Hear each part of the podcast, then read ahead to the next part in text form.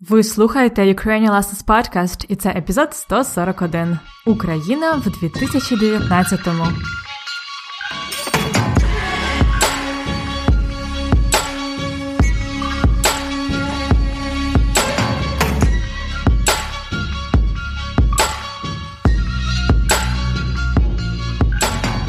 Привіт! Це Анна Огойко, і це останній епізод подкасту Ukrainian Lessons у 2019 році. Подкаст Уроки української це подкаст для всіх, хто вивчає і любить українську мову. І зараз триває четвертий сезон подкасту, у якому ви можете слухати 100% українську мову. Сьогодні особливий епізод. Я вирішила підбити підсумки року і зробити для вас випуск новин. Основні новини України у 2019 році. Сьогодні я спробую себе в ролі журналіста і розкажу вам новини у кількох рубриках: політика, економіка, культура і спорт. Як завжди, ви можете знайти повний текст усього, що я кажу, з перекладом складних слів і вправами у конспекті уроку.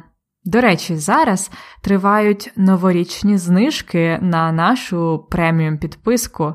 Ви можете дізнатися більше про це за посиланням ukrainianlessons.com риска преміум. А зараз ви готові слухати випуск новин?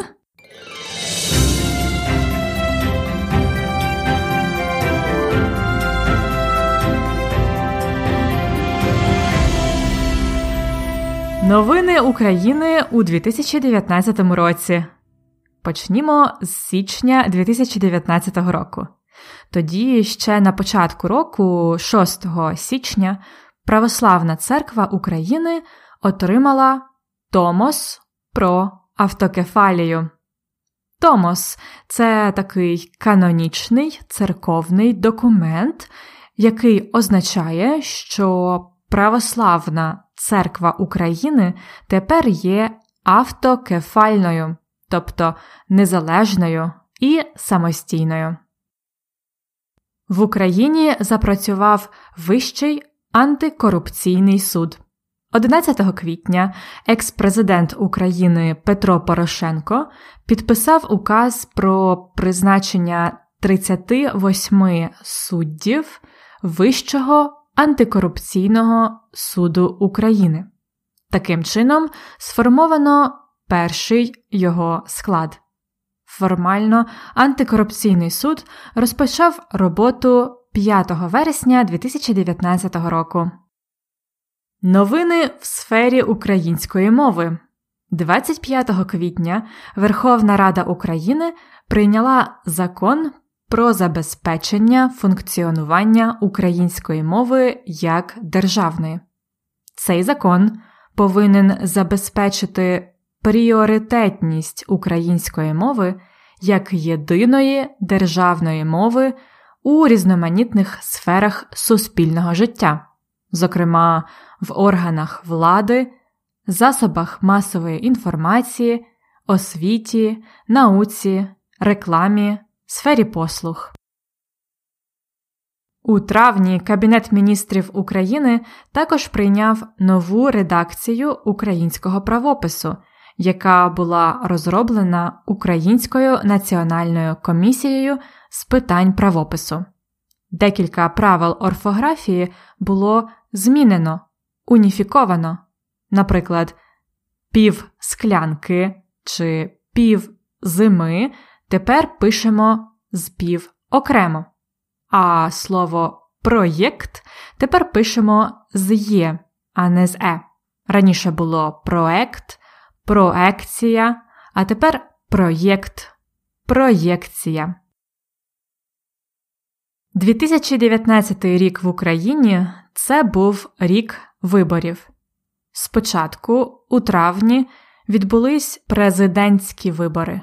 У другому турі два лідери Володимир Зеленський і Петро Порошенко провели свої дебати на стадіоні НСК Олімпійський в Києві. Президентом України став Володимир Зеленський.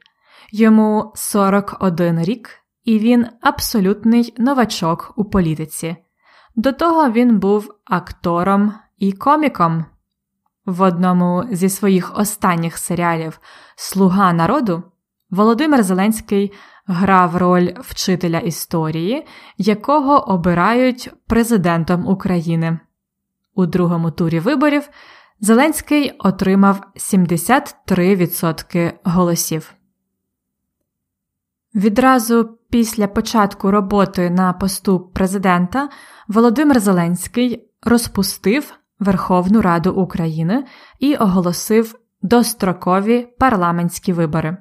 За їх результатами до складу Верховної Ради пройшли п'ять політичних партій: Слуга народу, партія Володимира Зеленського, Опозиційна платформа за життя, Проросійська партія, Європейська Солідарність, партія Петра Порошенка, Батьківщина, партія Юлії Тимошенко та Голос партія Святослава Вакарчука. Також до Верховної Ради пройшли 199 депутатів, обраних за мажоритарною системою. В Україні діє змішана система парламентських виборів. Половину депутатів обирають за партіями, а половину за окремими кандидатами. На першому засіданні Верховної Ради було обрано прем'єр-міністра України Олексія Гончарука. Пан Олексій один з наймолодших прем'єр-міністрів світу. Йому 35 років, і у нього є свій канал на Ютубі. У вересні 35 українців повернулися з російського полону. Це 24 моряки, які були захоплені в Керченській протоці в Криму, і 11 політв'язнів. Серед них український режисер з Криму Олег Сенцов. Їх обміняли на російських ув'язнених. 10 жовтня президент України Володимир Зеленський побив світовий рекорд. Він провів найдовшу у світовій історії прес-конференцію. Вона тривала більш ніж 14 годин, і президент відповів на понад 500 запитань від майже 300 журналістів. 25 вересня Володимир Зеленський вперше зустрівся з президентом США Дональдом Трампом. До того ж, Білий Дім опублікував стенограму їхньої телефонної розмови влітку. Американські засоби масової інформації звинувачували Трампа в тому, що він шантажував Зеленського фінансовою допомогою і вимагав почати розслідування проти свого конкурента на виборах Джо Байдена. Через недовіру до Трампа в США розпочато процедуру імпічменту, а про Зеленського через цей інцидент постійно говорять у західних ЗМІ. 9 грудня відбулася перша особиста зустріч президентів України та Росії Володимира Зеленського і Владіміра Путіна. Разом з французьким президентом Еммануелем Макроном і німецькою канцлеркою Ангелою Меркель вони обговорювали врегулювання конфлікту на Донбасі, домовились про припинення вогню і розведення військ на Донбасі, а також повний обмін військовополоненими між Україною та Росією, обмін всіх на всіх до кінця 2019 року. Економічні новини Вперше за останні 5 років українська гривня зміцнилася. Якщо на початку 2019 року курс долара до гривні складав 1 до 28, то зараз у грудні 2019 року це 1 до 23 з половиною. У 2019 році експорт українських товарів до країн Європейського Союзу збільшився на 6%. Найбільший обсяг українських товарів було продано до Польщі. Також Україна стала найбільшим експортером пшениці до країн Європейського Союзу. Порівняно з 2018 роком експорт пшениці збільшився у 6 разів. В Україні активно працюють над земельною реформою. Вона передбачає відкриття ринку землі, тобто початок вільного продажу землі в Україні. Адже наразі в українських законах діє мораторій, тобто тимчасова заборона на купівлю і продаж сільськогосподарської землі. Новини культури у 2019 році Україна не брала участь у популярному пісенному конкурсі Євробачення. Співачка Марув перемогла у відборі до конкурсу, але на конкурс не поїхала, бо відмовилася підписувати договір про відмову проводити концерти в Росії. 13 грудня Косівську мальовану кераміку було внесено до репрезентативного списку ЮНЕСКО нематеріальної культурної спадщини людства. Косівщина це регіон навколо містечка Косів, що в Карпатах. Це місто відоме своїми етнічними виробами та великим туристичним ринком. Новини спорту 6 лютого українська сноубордистка Анна Марії Данча вперше в історії українського спорту здобула медаль чемпіонату світу зі сноубордингу. А на чемпіонаті світу зимових видів спорту українська параолімпійська збірна виборола 42 медалі і посіла перше місце як національна команда. 10 березня Дмитро Підручний на чемпіонаті світу з біатлону виграв перше чоловіче золото на чемпіонатах світу з біатлону в історії України. 13 квітня Василь Ломаченко захистив свої титули чемпіона світу. Він нокаутував британця Ентоні Кролу. 13 липня 17-річна українська тенісистка Дарія Снігур виграла юніорський Вімбілдон, здолавши у фіналі американку Алексу Ноель. 26 листопада українська стрибунка у висоту Ярослава Магучих за підсумками сезону 2019 року отримала від світової легкої атлетики нагороду Висхідна зірка Rising Star як найкраща молода легкоатлетка світу. І у жовтні Україна офіційно пройшла на чемпіонат Європи з футболу Євро 2020. Під час відбору українська команда перемогла чемпіона Європи Португалію з рахунком 2-1.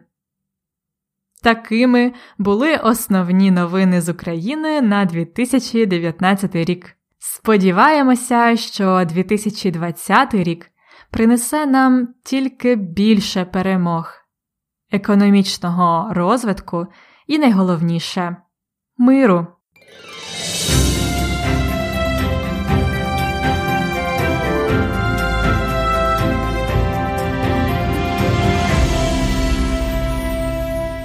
Ну, як вам сподобалися новини з України? А зараз, як завжди, я пропоную вам кілька корисних виразів, які я вживала у цьому епізоді. У новинах часто вживають такі типові вирази, як, наприклад, брати участь, підбити підсумки, посісти перше місце. Часто це дієслово плюс іменник, такі словосполучення, типові фрази, які часто вживають у засобах масової інформації. Розгляньмо деякі з них. Номер один підбити або підбивати підсумки. Сьогодні, в цьому особливому епізоді, я підбила підсумки року і зробила для вас випуск новин. Підбити підсумки, тобто зробити певні висновки, узагальнити щось. Наприкінці року багато людей підбивають підсумки року і планують наступний рік. Підбити підсумки, підбивати підсумки. Номер 2. Спробувати себе в ролі. Сьогодні я спробувала себе в ролі журналіста. Спробувати себе або спробувати свої сили в ролі когось, тобто спробувати робити щось, е, що ви раніше не робили, поводитися так, як хтось інший. Наприклад, Володимир Зеленський був коміком, але вирішив спробувати себе в ролі політика, спробувати себе в ролі. Номер 3. Розпочати роботу. В Україні розпочав роботу антикорупційний суд. Розпочати роботу, тобто почати працювати. Але часто ми кажемо саме розпочати роботу. Наприклад, розпочала роботу нова школа. Розпочати роботу. Номер 4. Абсолютний новачок. Володимир Зеленський абсолютний новачок у політиці. Тобто у нього немає досвіду в політиці, він абсолютний новачок. А ви вже давно не новачок в українській мові, правда? Не абсолютний новачок. Номер 5. Побити світовий рекорд. Президент України Володимир Зеленський побив світовий рекорд, провівши найдовшу прес-конференцію в історії. Побити рекорд. Ви знаєте це. А ви зможете побити свій рекорд з кількості прослуханих епізодів Ukrainian Lessons за день? Побити рекорд. Номер 6. Припинення вогню. Це коли на війні домовляються не стріляти, домовляються припинити вогонь, завершити бойові дії. Президенти України та Росії в Парижі знову домовились про припинення вогню. Номер 7. Брати участь. Це типова фраза брати участь, взяти участь у якійсь події.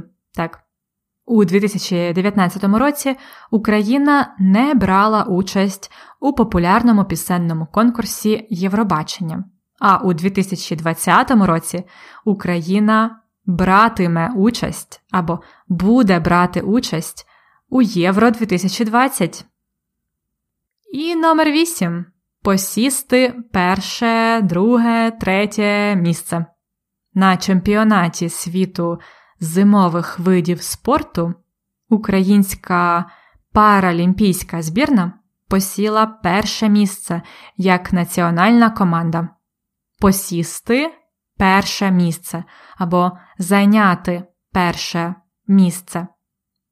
Коли я була в школі, я посіла перше місце на конкурсі журналістів. Це правда. І сьогодні я ще раз спробувала себе в ролі журналіста. А ви коли-небудь посідали перше чи друге місце?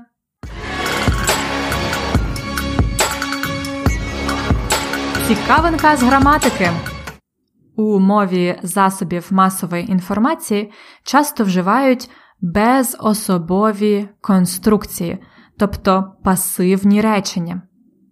У минулому часі це часто звучить так: на першому засіданні Верховної Ради було обрано прем'єр-міністра України. Було обрано, тобто його обрали якісь люди, але ми точно не знаємо, хто саме. Його обрали, його було обрано. Щоб сформувати такі речення у минулому часі вживаємо дієслово було і безособову форму дієслова. Це форма, яка закінчується на но або то, наприклад, зроблено, побудовано, відкрито. Я також казала, що кілька правил української орфографії було змінено, було уніфіковано. Інший приклад з новин. Косівську мальовану кераміку було внесено до списку ЮНЕСКО. Було внесено. А також такі форми можна вживати в майбутньому часі. Тоді замість було вживаємо буде. Наприклад, буде зроблено, тобто хтось це зробить в майбутньому. Або, можливо, у 2020 році в Україні буде відкрито ринок землі. А що буде зроблено наступного року в Ukrainian Lessons? Багато цікавого. Ось побачите. Ось і все. Останній епізод 2019 року. Від імені команди Ukrainian Lessons хочу щиро привітати вас з Новим роком, з Різдвом Христовим. Бажаю вам щастя, сімейного затишку, мирного неба і успіхів у вивченні української мови. Майже весь січень я буду в Україні. Я буду святкувати українське Різдво і ходити в гості. Тому, якщо ви будете в Україні в січні, обов'язково напишіть мені. Можливо, зустрінемось. А зараз наша команда йде на зимові канікули. Новий епізод подкасту вийде приблизно через місяць. А поки що не забудьте опрацювати пропущені епізоди або переслухати ваші улюблені уроки. Читайте конспекти уроків і робіть там вправи. Більше про те, як отримати доступ до конспектів, ви можете дізнатися за посиланням ukrainianlessons.com риска преміум ukrainianlessons.com premium. Зараз тривають знижки до 9 січня. Бажаю вам щасливого нового року, веселих свят! На все добре!